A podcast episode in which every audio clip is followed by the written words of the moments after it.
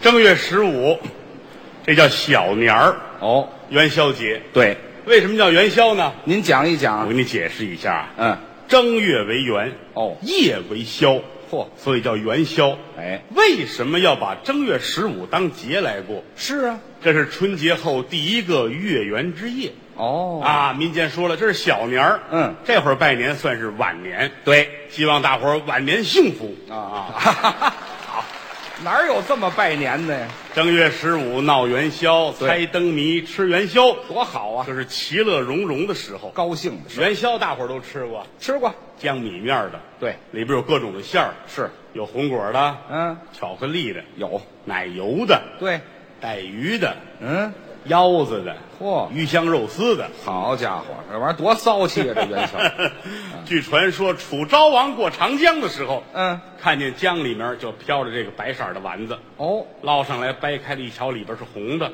嚯，楚昭王没吃过呀，是啊，还纳闷呢，说这是什么呀？啊，是吧这是楚昭王吗？这个找人问孔圣人，嗯嗯孔夫子说了，怎么说？这叫浮尘果。哦吃了这个，国泰民安。嗯打这儿起，家家户户都吃元宵。取祥和之意，对了，嗯嗯今天晚上大伙儿聚了一块儿，是看晚会吃元宵，嗯，听我们俩说相声多好，啊，这行是四门功课，嗯，说学逗唱，对，唱几句大伙儿听听。好，龙游浅水遭虾戏，那虎落平阳酒，北拳七，得了志的狸猫换死虎，落了魄的凤凰酒不如鸡。我一言唱不尽这劝人方，几句古话我是愿诸位那阖家欢乐寿与天齐。好，劝人方唱几句，大伙儿尝尝。是，都得从小学才能会这个呢。那叫做科呀，我们算是小的时候同学了，呃，一直学曲艺团学员班的同学，是，同班同学。呃，一个班的，他比我大四岁，我长几岁我，们竟然同班，嗯这什么意思？您这，四岁列位啊！您那意思我净蹲班了是吗？哎，反正是学的扎实一点儿。那是，我就为学瓷实一点。我上学校那会儿，我们学相声，嗯一进宿舍我先认识了他，这先看见的我吗？我一进门他跟门口站着，吓我一跳，是吗？嚯，这河马做的真像啊，嗯啊，我至于长那么惨吗？我大气显着啊！是啊，我拎着我那包呢进宿舍嘛，啊对呀、我说同学，我睡哪个铺啊？问我，上下铺二层的。嗯，我说我睡哪儿啊？是看他这个快，怎么呢？嘡就躺那儿了，我躺，躺一个下铺，我得先站上，谁都愿意睡下铺啊，方便呢。上铺还得爬，怪麻烦的。就是，人家躺那儿了，嗯，拿手一指他上边儿，哦，你在这儿，告诉你了，那人家先来的就记着人家挑呗。先来后到嘛。上铺是我的，对，把我这包拿起来，啪往上扔。扔到上铺，哦，遗憾了，怎么呢？上边没铺板。 空床架子。啪！哎呦，我那包里还有两对哑铃，哎呀，整砸在脸上啊！哎呦，我心，哎呦，我的天哪！别给惹事砸儿了傻了呀，这是！啊，赶紧送他上医院。嗯，大夫说这还行，怎么行呢？这个这没砸上。啊，我说不能，对呀，我那包砸脑子上了，是是是是，砸脸上了，有一些个挫伤，但是没伤到脑子，没有内伤。因为他的脑仁儿躲开了。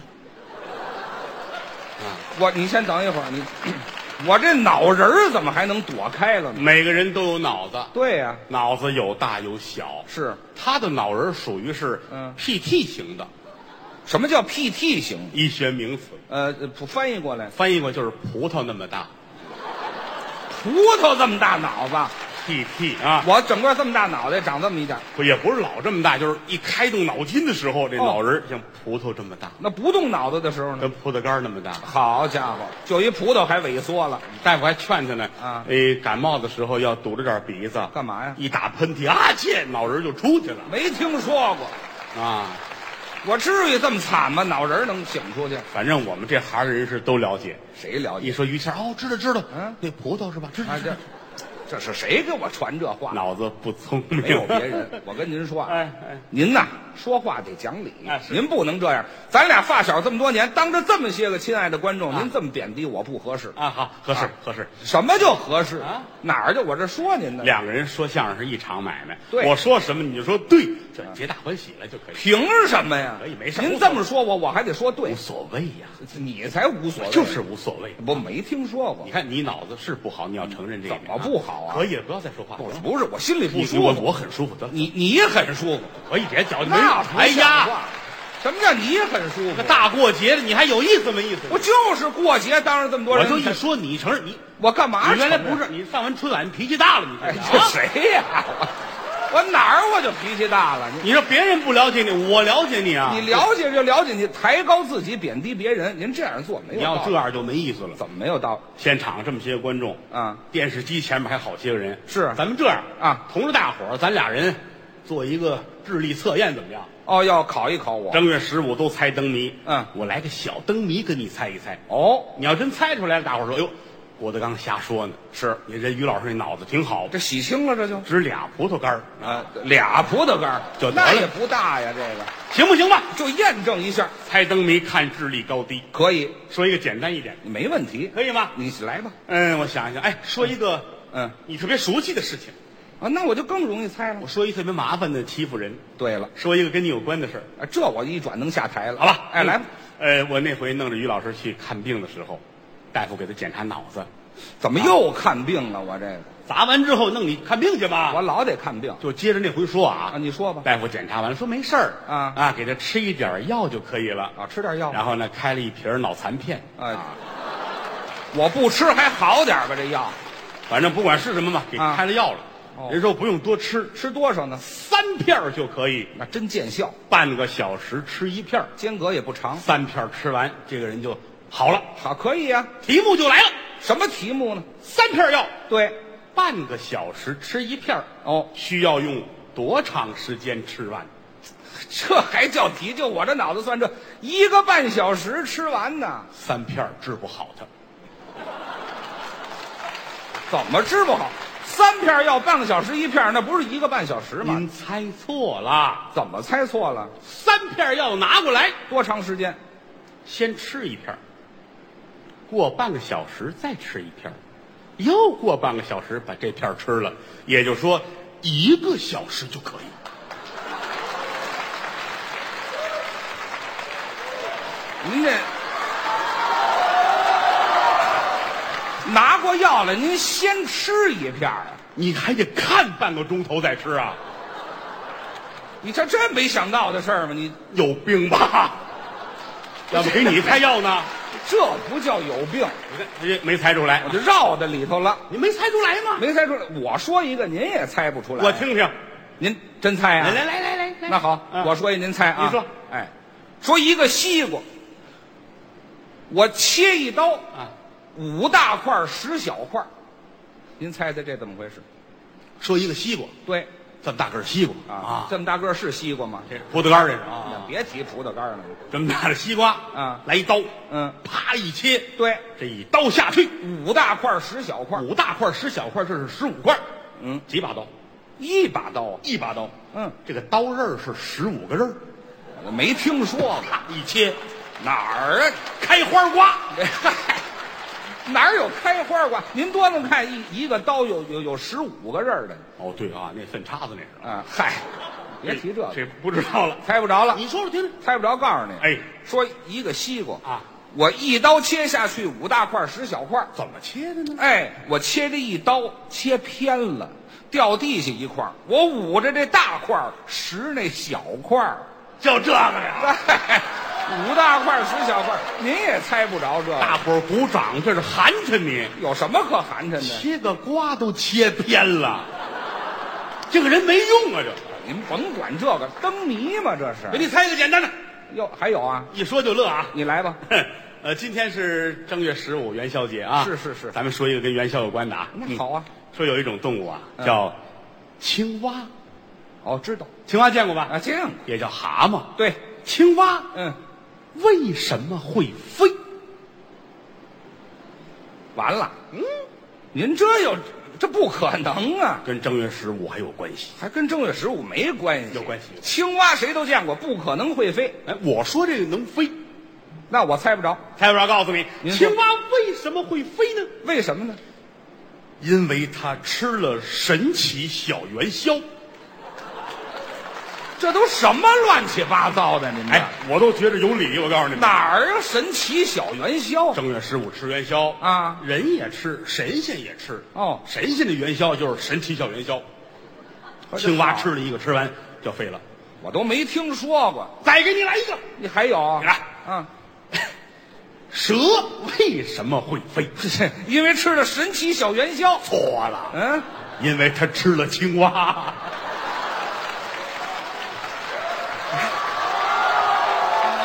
哎，呃，半个小时到了，吃药吧。 老挤的人哦，怎么还吃了青蛙？吃了青蛙，不吃元宵了？多新鲜呐！哦再问你一个，你说吧，鹰为什么会飞？吃了青蛙，吃了蛇，鹰本来就会飞。啊、哎，找大夫再加一片吧。哎，行了，您这叫绕的人，绕的人你也绕得进来，就打这时间差，让人没反应。你没猜着啊！那我说一个，您也猜不着。我听听，我这回说一正经好的，哎你还会正经呢？那真正你别看人不正正经，灯谜还正经啊！经什么人不正经，来，我听听。您猜吧啊，听着这个，嗯，说天知我有，地知我无，人知我有，我知我无。好，来，你听我这个啊，我是这么哎说啊什？么叫听你这个？我这您还没猜呢，我觉着没意思，你看什么没？这您要多简单猜着了，您可以说没意思。我猜着猜着都觉着没意思。那不行，您说谜底呀、那你说吧，谜底是什么还是的。啊？天知我有，地知我无，人知我有，我知我无。您这是这是我这袜子没有袜底儿，这没明白这个？怎么没明白？我给解释您就明白天了。知我有，哎，从天上看，我这穿着袜子呢；地知我无，从地下看，知道我没有袜底儿。人知我有大伙儿都看见我穿着袜子呢，啊，我知我无，我自己知道我这袜子没袜底儿。就这个 呀？ 哎这是多好的灯谜呀、那你这谜底不准确，怎么不准确？你这应该是护膝呀，怎么回事？护没膝底儿就蹬上来了，啊，就没听说过啊干嘛非往上蹬呢？没有文学性。你来一个，听我这个啊，你说，让让你猜这个，这个太好了啊！你说生物方面的知识你了解一些吗？呃，大概知道。哎，好，来了来，嗯大伙儿一块儿帮着猜啊。你说吧。说飞驴飞马，嗨，骡子呀，错了，嗯，骡子像驴似马，它和马和驴有血缘关系，所以不对。哦，还不对，猜这种动物，飞驴飞马，猜不着，您说吧。公鸡。不是你这， 我没明白。你先等一会儿，你先等。哎，这太讲理了，这个啊啊，不是怎么讲？你这怎么会是公鸡？公鸡啊，怎么会飞是？驴飞马，它是驴吗？那不是啊，它是马吗？也不是。耶，什么叫耶呀？您这也不是驴，也不是马啊公鸡。不是那那个，我比如说我要猜企鹅呢？你说呀，哦，合着除了骡子什么都可以是吗？那说什么都对，不是，你这什么玩意儿啊？这你是，不说那赖谁啊？好家伙，什么都行。给给你来个传统的，敢说吗？哎，你你说我这就来，爱行了猜传统的，传统来的文学性很强啊。说吧说吧刚才公鸡这茬过去了啊，哎，没有了，你听这样猜一动啊，嗯 说这个，我都替你美的很，我告诉我你，没有那么美。一个脑袋，嗯，哦一个嘴，好，两个眼睛，两条腿，干脆不知道。您说，公鸡呀、您不是说跟这没关系，都过去了。另一只公鸡又过来了。哎，我这灯谜得有过日子心，你知道吗？是能说一辈子啊，食不怎么样不，好吗？当然不好那了。你有好的说一，我听听。我这肯定好。来来，传统灯谜是，啊，您听我这个，哎，说你来我也来，你不来我也不来，还告诉您打一个人的动作。人的动作，对，大夫开药，这怎么会大夫开药？你来我也来，你不来我也不来啊！大夫拿着脑残片这等着，于谦儿还没来呢。还是我呀？，哎，你来了，我也来了。你要不来，这瓶药给谁吃呢？你不来，我也不来。您别胡说八道。怎么呢？这不对，一个人一个人儿，他的动作，那就是于谦儿自己拿着药，看着药，你来了，啊我也来了。我怎么你不来老有药啊因？为半个钟头到了，非吃药不可。猜不着了。猜不着，告诉您，您这个啊你来我也来，你不来我也不来，打人的一个动作。这个谜底是冬天揣手。揣手，对你来，我也来啊，嗯这才能揣上呢。你不来，我也不来，就不揣了。啊没有说这来这不来，这追这 个的，这没有，还得这样追啊！合理呀、哎，你数学题行吗？数学题、啊我最擅长数学。真的、啊？对了行嘞。你说一我个跟，你说，数学题啊哎，我听着，大伙儿帮着一块儿猜啊，可以啊猜对了有奖励一啊。块儿帮我算啊。说这个，就说正月十五当天下午的事儿，哦，还是现在？很应景啊。哦哦哦就是今天下午，嗯，在北京城长安街上，由东往西来了一辆公共汽车。公交车对，公交车懂啊？啊，知道？哎好我这能不懂？哎，，对对对，数学题算啊，哦，还啊，是是，可别忘了啊。我这怎么的？嗯嗯，打始发站出来，车上有六名乘客，大伙儿记住了，往前开，嗯，停了，嗯，一开车门，上来八个，下去俩，关门往前走，再停了，上来四个，下去五个，再停，上来十个，下去两个，再停，上来六个，下去嗯七个你先，等会儿再停，上来五个，下去九个，再停，上来一个，下去三个，嗯问这辆公共汽车、嗯一共停了多少站？嘿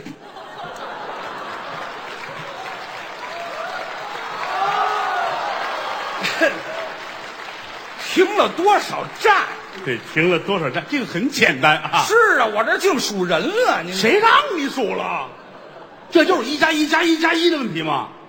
数学题没猜出来吧？哪儿有这么绕的人呢？也没绕着你，脑子不够使啊！你你呀、啊这个怎么着我说一你猜，你也猜不着信吗？你还有呢？当然了，来我听听你听我这个吧，这玩意儿谁不会呀、说你什么时候先穿鞋后穿袜子？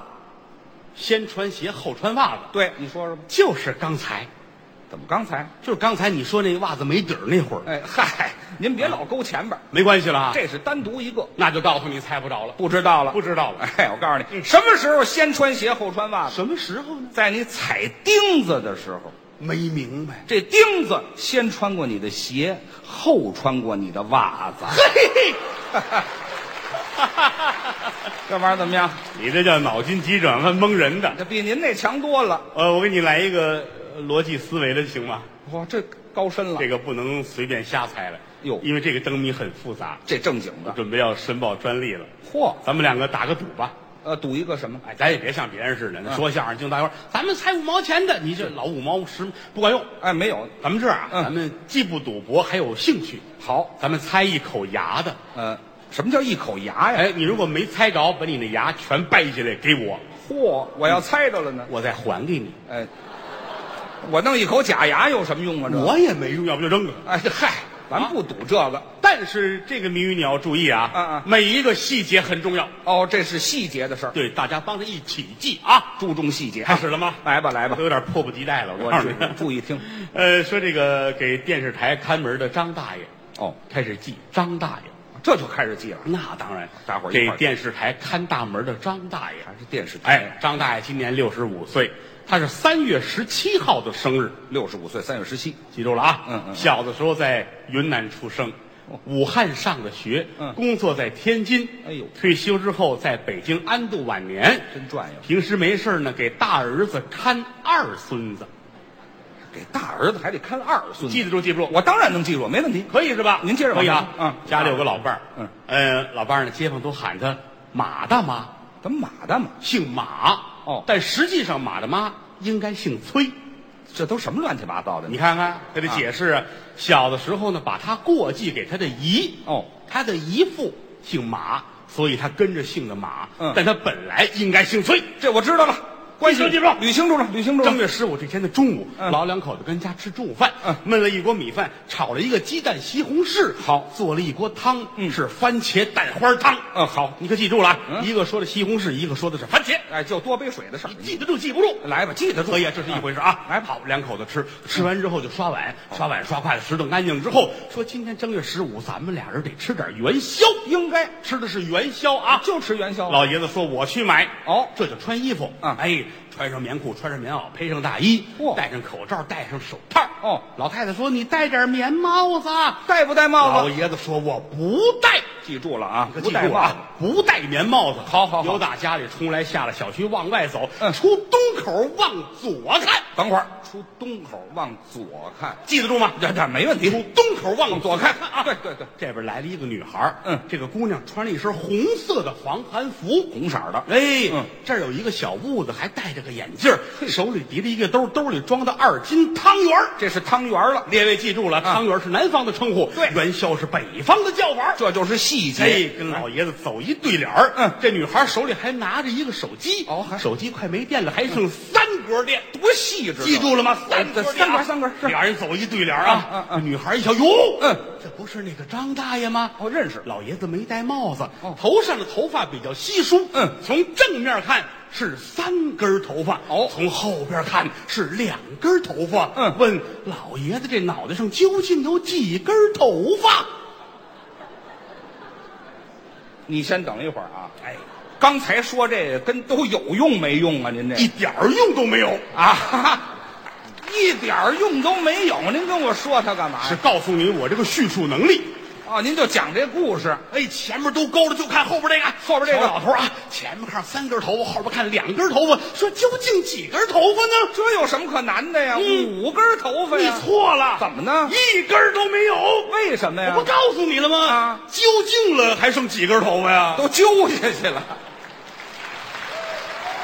感谢您的收听，去应用商店下载 Patreon 应用城市，在首页搜索海量有声书，或点击下方链接听更多小说等内容。